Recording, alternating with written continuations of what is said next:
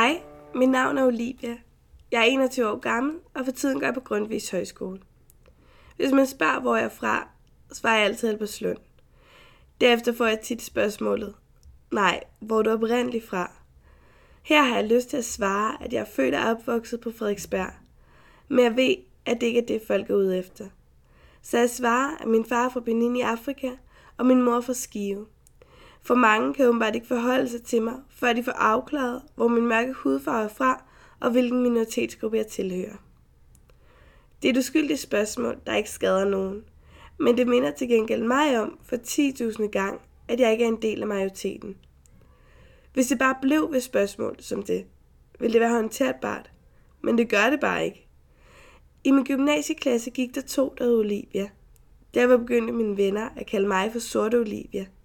Ikke af ond mening, men fordi det var den tydeligste forskel på os, og fordi det var det, der skillede mig ud. Et andet lignende eksempel er, at jeg som mange andre unge havde Tinder, da jeg var single. De fyre, jeg matchede med, skrev ofte, at vores match var nice, og understøttede det med en kommentar om min hudfarve, som Jeg har aldrig været sammen med en sort før, det vil jeg gerne prøve. Du må have en stor røv, eller du ser dejlig eksotisk ud. Det lyder måske som enkelt tilfælde, men det er det ikke. Jeg må ofte bede folk om at lade være med at sige nære, svare nej til spørgsmålet, om jeg kan twerke, og sige fra, når fremmed spørger, om de ikke må røre ved mit krusede hår. Måske virker de her eksempler for mange af jer ligegyldige og søgte, men jeg vil ved med, at der er nogen af jer, der kan genkende dem.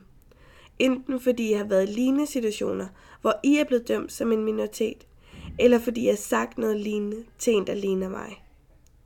Selvfølgelig må man spørge ind til folks baggrund og hvor de er fra, men man skal gøre det med et åbent sind og på en måde, hvor man ikke eksplicit siger, du er ikke dansk.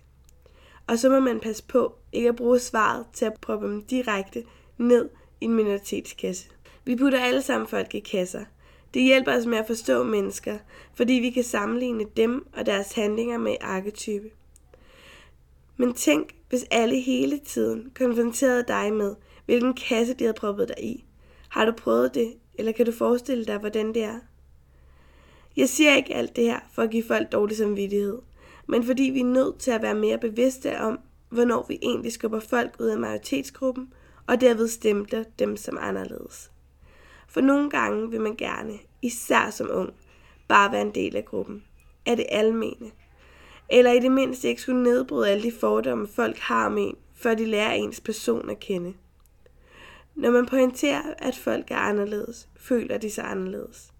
Det skaber både en indre konflikt, men det kan også vække tilhørsforholdet til det fælles, vores samfund, Danmark. Jeg føler mig dansk, og jeg er dansk, og sådan vil jeg gerne blive ved med at have det. Men det er ikke sikkert, det sker, hvis jeg bliver ved med konstant i mit nærmiljø, såvel som i medierne, at få at vide, at jeg er anderledes og ikke ligesom majoriteten. Jeg passer også ned i mange andre kasser kasse, hvor I også er i. Jeg er ung, jeg er student, jeg er tidligere efterskoleelev, og jeg er opvokset med en enlig mor. Men på grund af min hudfarve er det sjældent de kasser, folk placerer mig i. Der er minoriteter, der har det meget værre, og direkte bliver diskrimineret.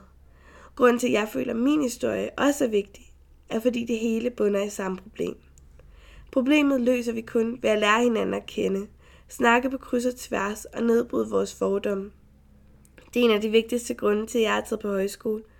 For at møde forskellige folk og lære dem at kende for det, de er, og ikke ud for den kasse, jeg ved første øjekast sætte dem i. På min højskole går der otte unge flygtninge, og møde med dem har allerede nedbrudt mange fordomme hos mig personligt.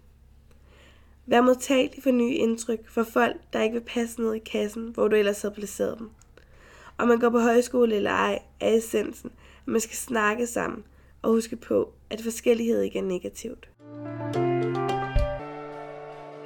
Jeg skrev den her tale, fordi jeg blev stillet en opgave i faget politisk kommunikation, om at vi skulle skrive en brandtale øh, til ungdoms folkemøde.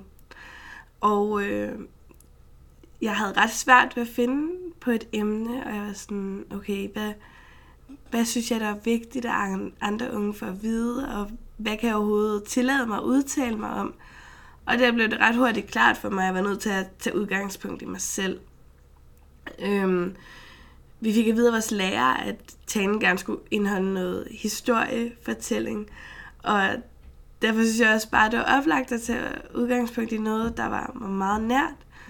Og selvom det var grænseoverskridende, så skrev jeg den her tale om, hvordan jeg nogle gange føler, at jeg bliver stemplet som anderledes, og at jeg kan mærke, at der er nogle fordomme om mig, bare på grund af min hudfarve. Øh, jeg havde i starten ikke rigtig lyst til, at andre fra højskolen skulle høre det, fordi at jeg var bange for, at de ville føle sig ramte, fordi der er nogen, der har sagt nogle ting, der godt kan virke diskriminerende. Øh, og det måtte jeg bare lige sådan overskride. Og så holdt jeg talen, og så skulle vi stemmer, hvilken tale, der skulle videre på ungdomsfolkemødet. Og der var det altså min, der vandt. Øh, og i starten var jeg sådan, det havde jeg ikke lyst til. Fordi igen, så, så jeg ret, var jeg ret bange for, at folk ville føle, at jeg bare skældt ud, og, og ligesom sagde, at den måde, de snakkede med folk, og den måde, de ligesom spurgte ind til folk, der var anderledes, at den var forkert.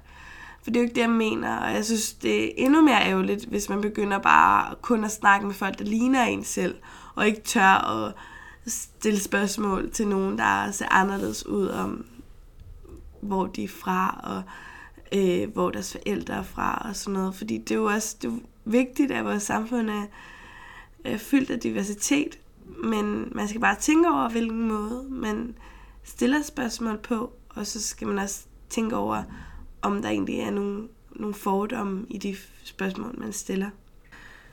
Øhm, men så da jeg havde besluttet mig for så at holde talen på Ungdommens Folkemøde, øh, så gik jeg ligesom i gang med at øve mig og rettede lidt talen, og så da jeg skulle holde talen, var alle fra højskolen, næsten i hvert fald, de stod nede for scenen, og, og det var en stor scene. Jeg tror aldrig, jeg har været på sådan en stor scene. Det var øh, Rising-scenen for Roskilde Festival, og sådan, jeg bare stået helt fuld neden for den scene så mange gange. Og det var bare så surrealistisk lige pludselig at stå op på en helt ædru og skulle holde en tale for, for mange mennesker. Øhm, men det var fedt, det var angstprovokerende og grænseoverskridende, men det var også mega nice, og jeg synes, det gik rigtig godt, og øhm, ja, det var sådan en lille personlig sejr, som man har nogle gange, og det her var bare en af de store af dem, og lige før jeg skulle op, var jeg rigtig, rigtig nervøs, fordi at jeg kom ud backstage, og der var bare Morten Østergaard og øhm, Nikita Klæstrup og alle mulige, der jeg vidste, der havde snakket en hel masse før, og jeg skulle ligesom øh, holde den første tale, og på en måde tænkte jeg, at det var fint nok, så startede vi med lorten, eller sådan, men men jeg fik rigtig god respons bagefter. Øhm, jeg fik rigtig mange reaktioner, sådan, både for dem fra højskolen, der havde mange af dem hørt den før, men også for helt fremmede, der bare kom hen og var sådan, ej, hvor var din tale rørende, og hvor var det en god tale, og det var sådan hele dagen, der gik rundt på folkemødet, så var der sådan folk, jeg overhovedet ikke havde mødt før, der bare sådan stoppede mig og var sådan, god tale, og sådan, ej, hvor, ej, hvor klarede du det godt, og sådan noget. Så det var mega nice. Og bagefter blev jeg bedt af Røst, som ligesom holdt arrangementet om at, om at give et interview om sådan min oplevelse og sådan noget. Og der var deres sådan, kommentar også bare, at sådan, de synes, det var en mega flot tale af sådan en førstegangstaler.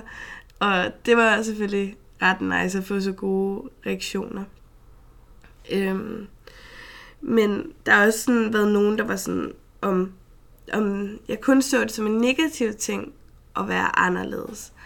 Og det kan måske godt virke som i min tale, men det er faktisk overhovedet ikke det, jeg mener. Øh, jeg mener bare, at vi er nødt til at sådan embrace den her, øh, den her diversitet, vi har i samfundet, og bruge den positivt, og møde hinanden øh, med åbne arme, selvom vi er anderledes, og selvom vi øh, skiller os ud, øh, så tror jeg bare, det er vigtigt, at, at vi kan snakke om det på en ordentlig måde, og lade folk være folk, lige meget hvilken hudfarve eller religion eller sådan noget, de har. Fordi det er rigtig vigtigt, at vi har et, et samfund, som er fuldt af diversitet. Øh, fordi ellers havde det været kedeligt, og så tror jeg, at mange ting var gået i stå og ikke havde udviklet sig. Det der problemet er bare, når man tager en gruppe og stempler dem, som om de er ens, og så ser alle folk, der kunne passe ned i den gruppe på den måde. Og det er det, jeg har følt nogle gange, at jeg blev stemplet som en afrikaner, der opførte mig på en måde, og i hvert fald ikke kunne gøre alle mulige andre ting. Og, og det er det, jeg lidt sådan prøver at tale imod. Øhm, fordi det er da bare mega ærgerligt, at vi så måske stempler nogle folk, der bare til sidst giver op, og ikke gider at nedbryde de her fordomme, folk har om dem, i stedet for at vi bare åbner dem, møder dem med åbne arme, første gang vi møder dem. Øhm, og så oplevede jeg selv, da jeg startede på højskole, at jeg helt klart havde nogle forventninger om, hvordan flygtninge, der gik her, var, og hvordan de ville opføre sig. Og jeg havde faktisk også forestillinger om, sådan, okay, jeg ved helt klart, hvordan de er kommet her til Danmark, og hvorfor de har valgt Danmark og sådan noget. Overhovedet ikke, fordi at, at jeg så det som en negativ ting, men jeg var bare sikker på, at jeg havde styr på det. Og det viser bare, at det var overhovedet ikke rigtigt, og deres historie mindede overhovedet ikke om hinanden, og de kom fra helt forskellige udgangspunkter. Så det var også bare sådan, ja, en øjenåbner for mig om, at jeg havde lige gjort det samme mod dem, som jeg var træt af, andre gjorde mod mig. Og det fik mig til at skrive i den her tale. Fordi at vi kan sgu alle sammen blive bedre mennesker, og der er ikke nogen, der er helt perfekte, men vi kan øve os på i hvert fald at møde hinanden med åbne arme, fordi det burde være ret let. Øhm, da alle personer jo er individuelle mennesker.